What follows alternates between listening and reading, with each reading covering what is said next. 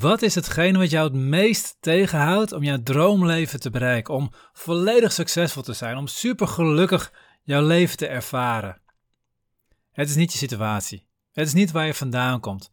Het zijn je patronen, je onbewuste patronen. En in dat hele stuk van dat onbewuste, wat jou continu kan saboteren of vooruit kan helpen, is er één ding wat het moeilijkst is om overheen te stappen. Er is één ding wat het moeilijkst is om de volgende ja, stap in te nemen, om jezelf meer ruimte in te gunnen. Dat is waar deze aflevering over gaat. Dit is het zesde inzicht van de zeven grootste inzichten in je persoonlijke groei.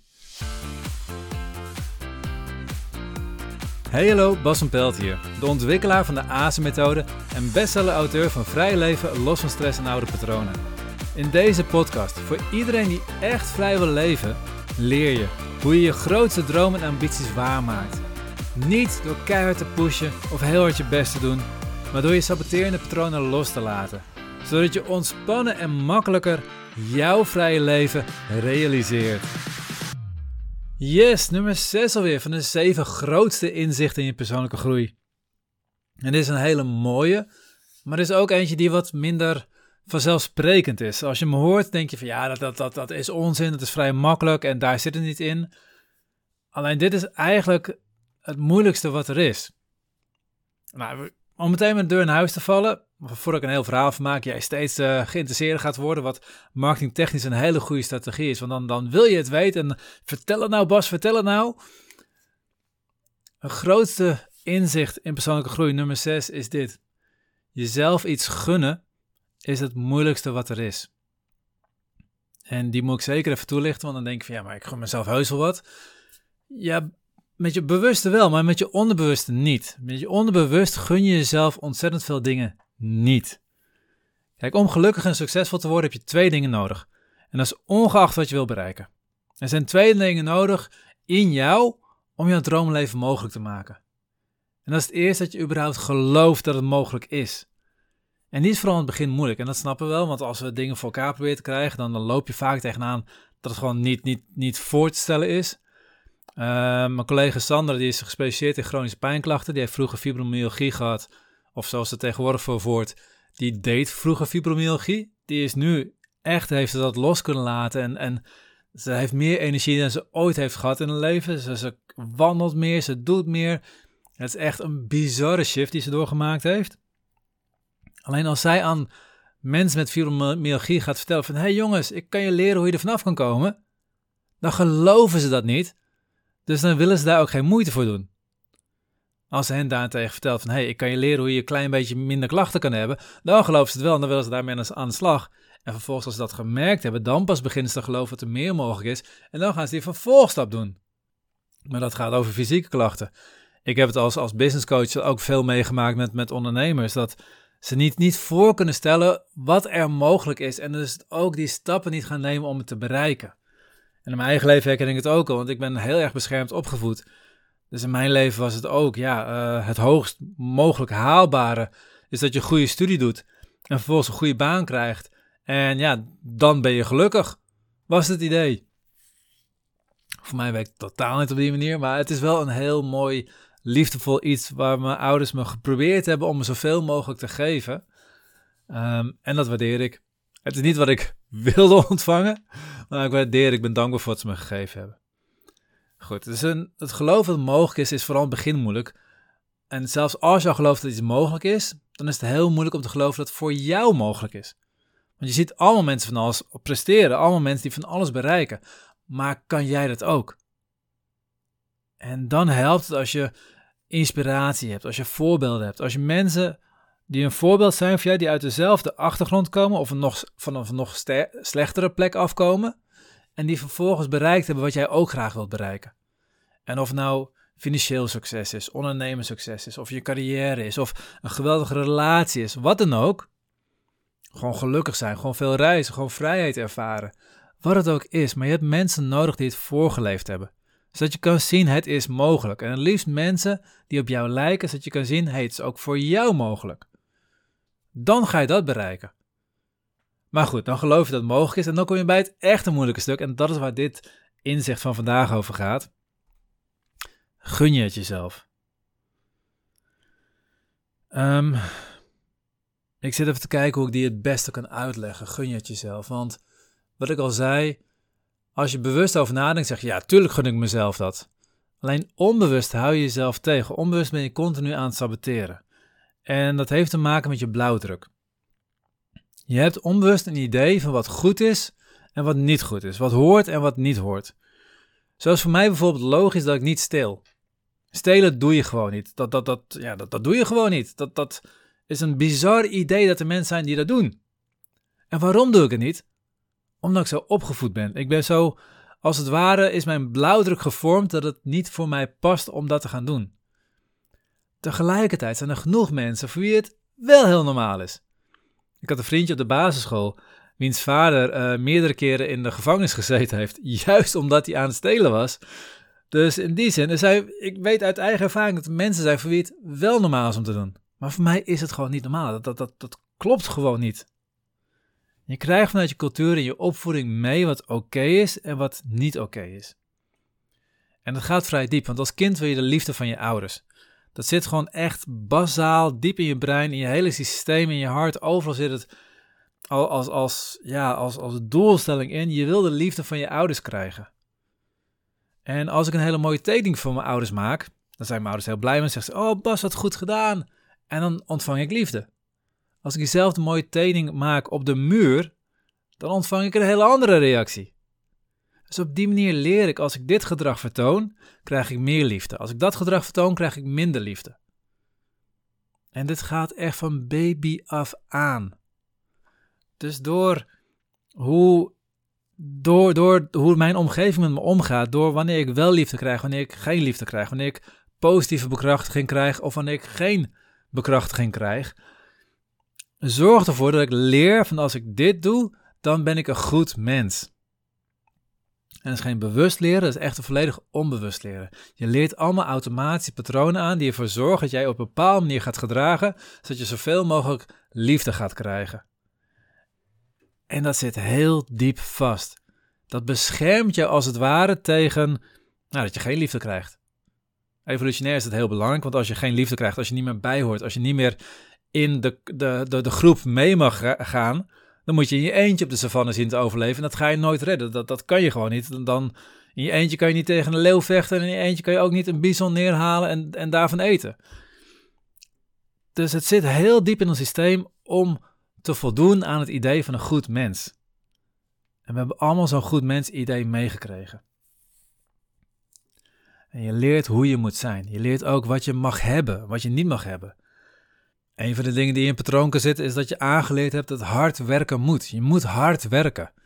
Ik, uh, een vriendin van me, die uh, vertelde een paar weken geleden, die heeft uh, haar partner, die werkt maar part-time.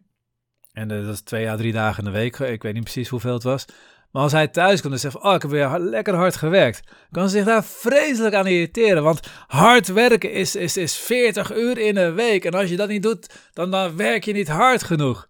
Dat heeft ze zo sterk meegekregen dat ze gewoon echt moeite mee heeft.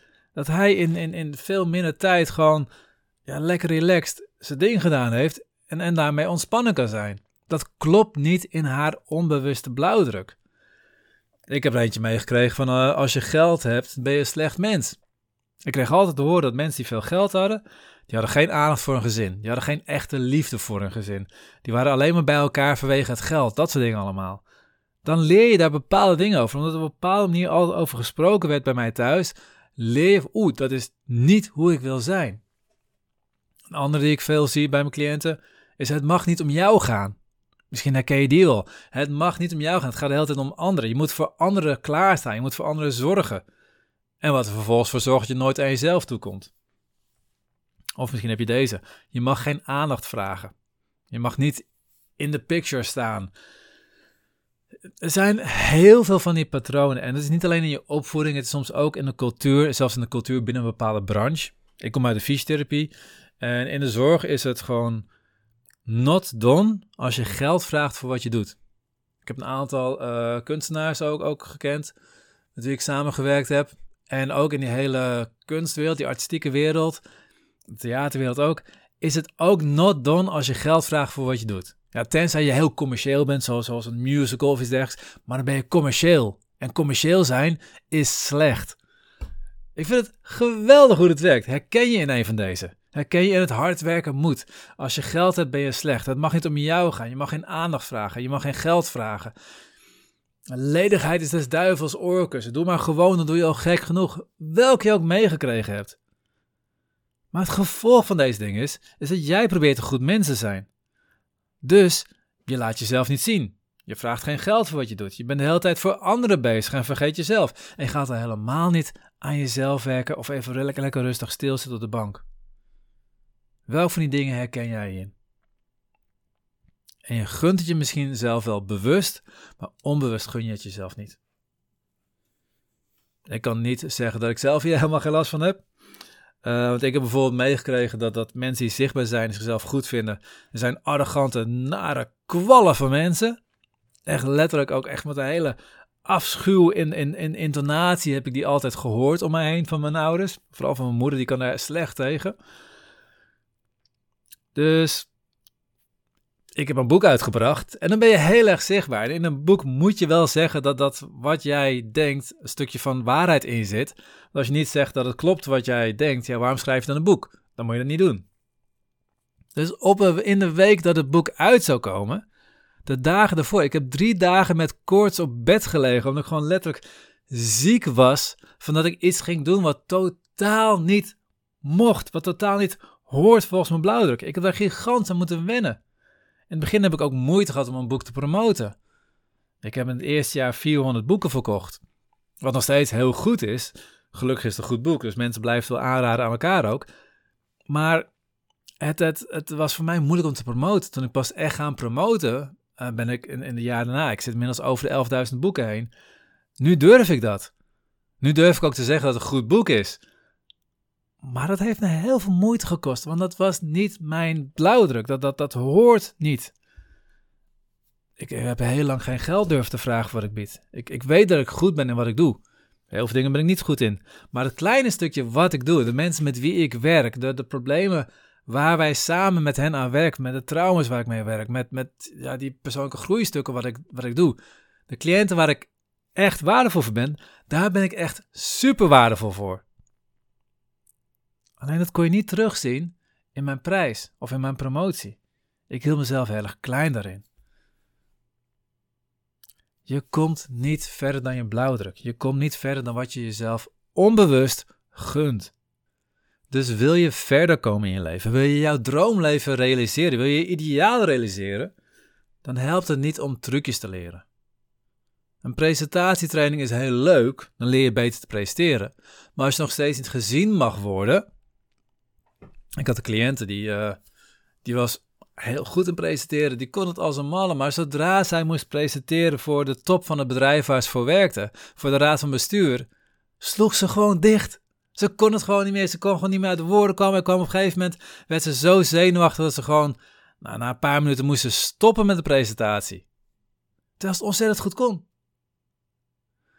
Het gave is, we zijn met haar aan de gang gaan met die oude patronen. We zijn op een gegeven moment een oude ervaring te terechtgekomen van de basisschool, waarin zij heel erg afgesnauwd werd door een leraar.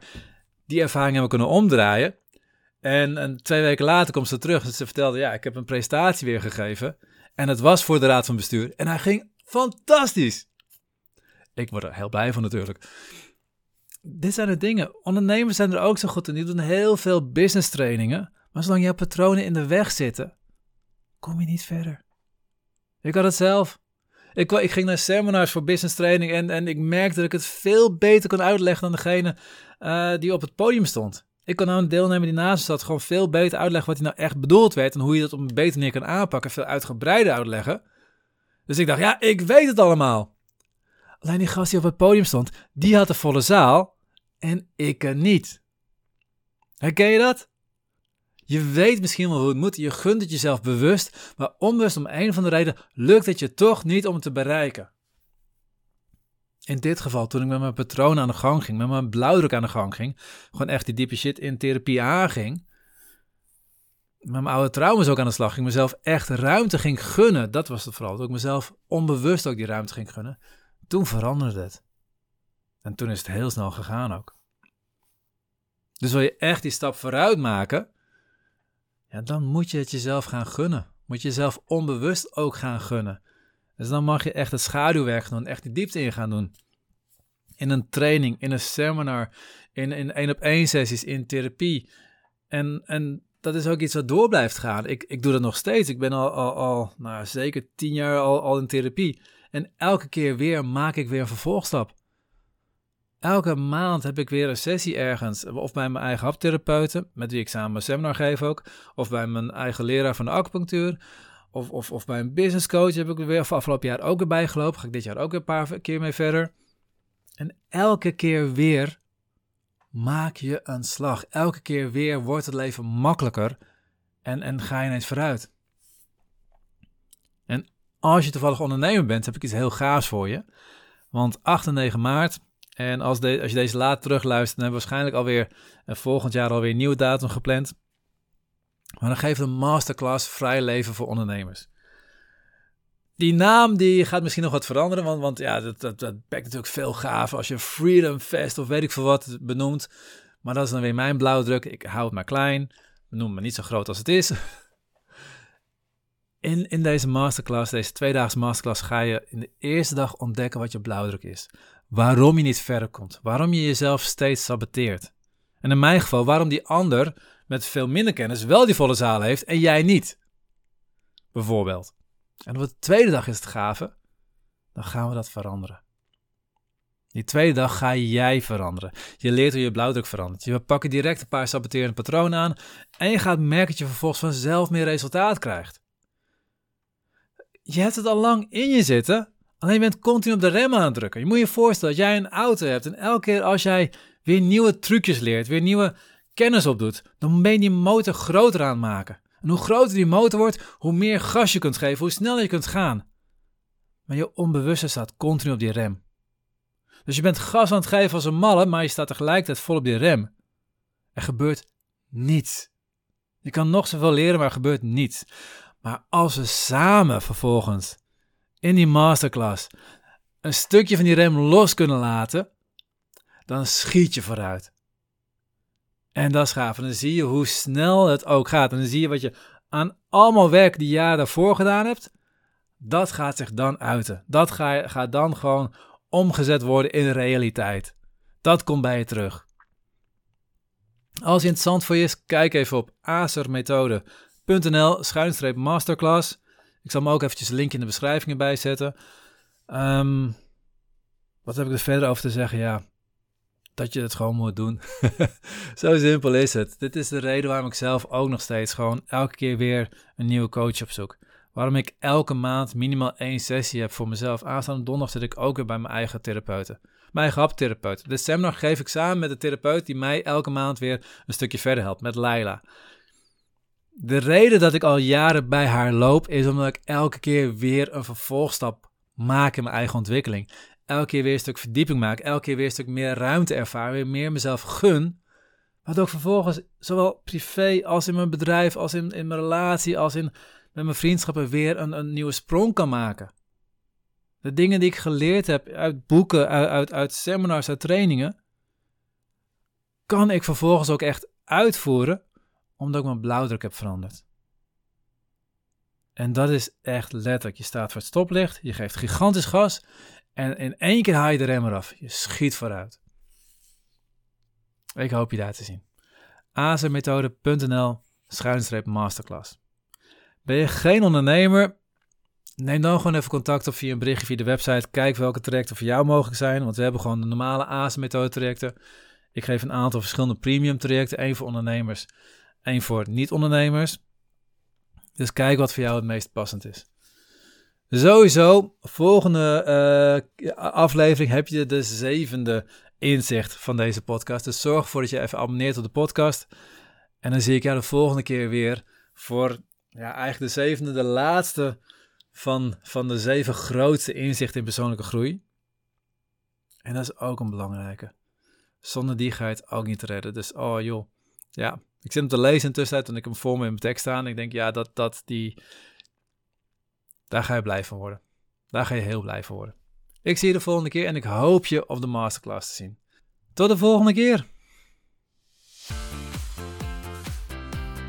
Herken jij je in het beeld van die schaamteloos ambitieuze ondernemer die al veel aan persoonlijke groei heeft gedaan, maar nu echt next level wil gaan? Die ontspannen en ambitieus vrij wil leven? Neem dan contact op een intake als je klaar bent voor het Next Level Vrij Leven traject. Je vindt de link in de beschrijving bij deze podcast of ga naar azenmethode.nl schuine streep next level.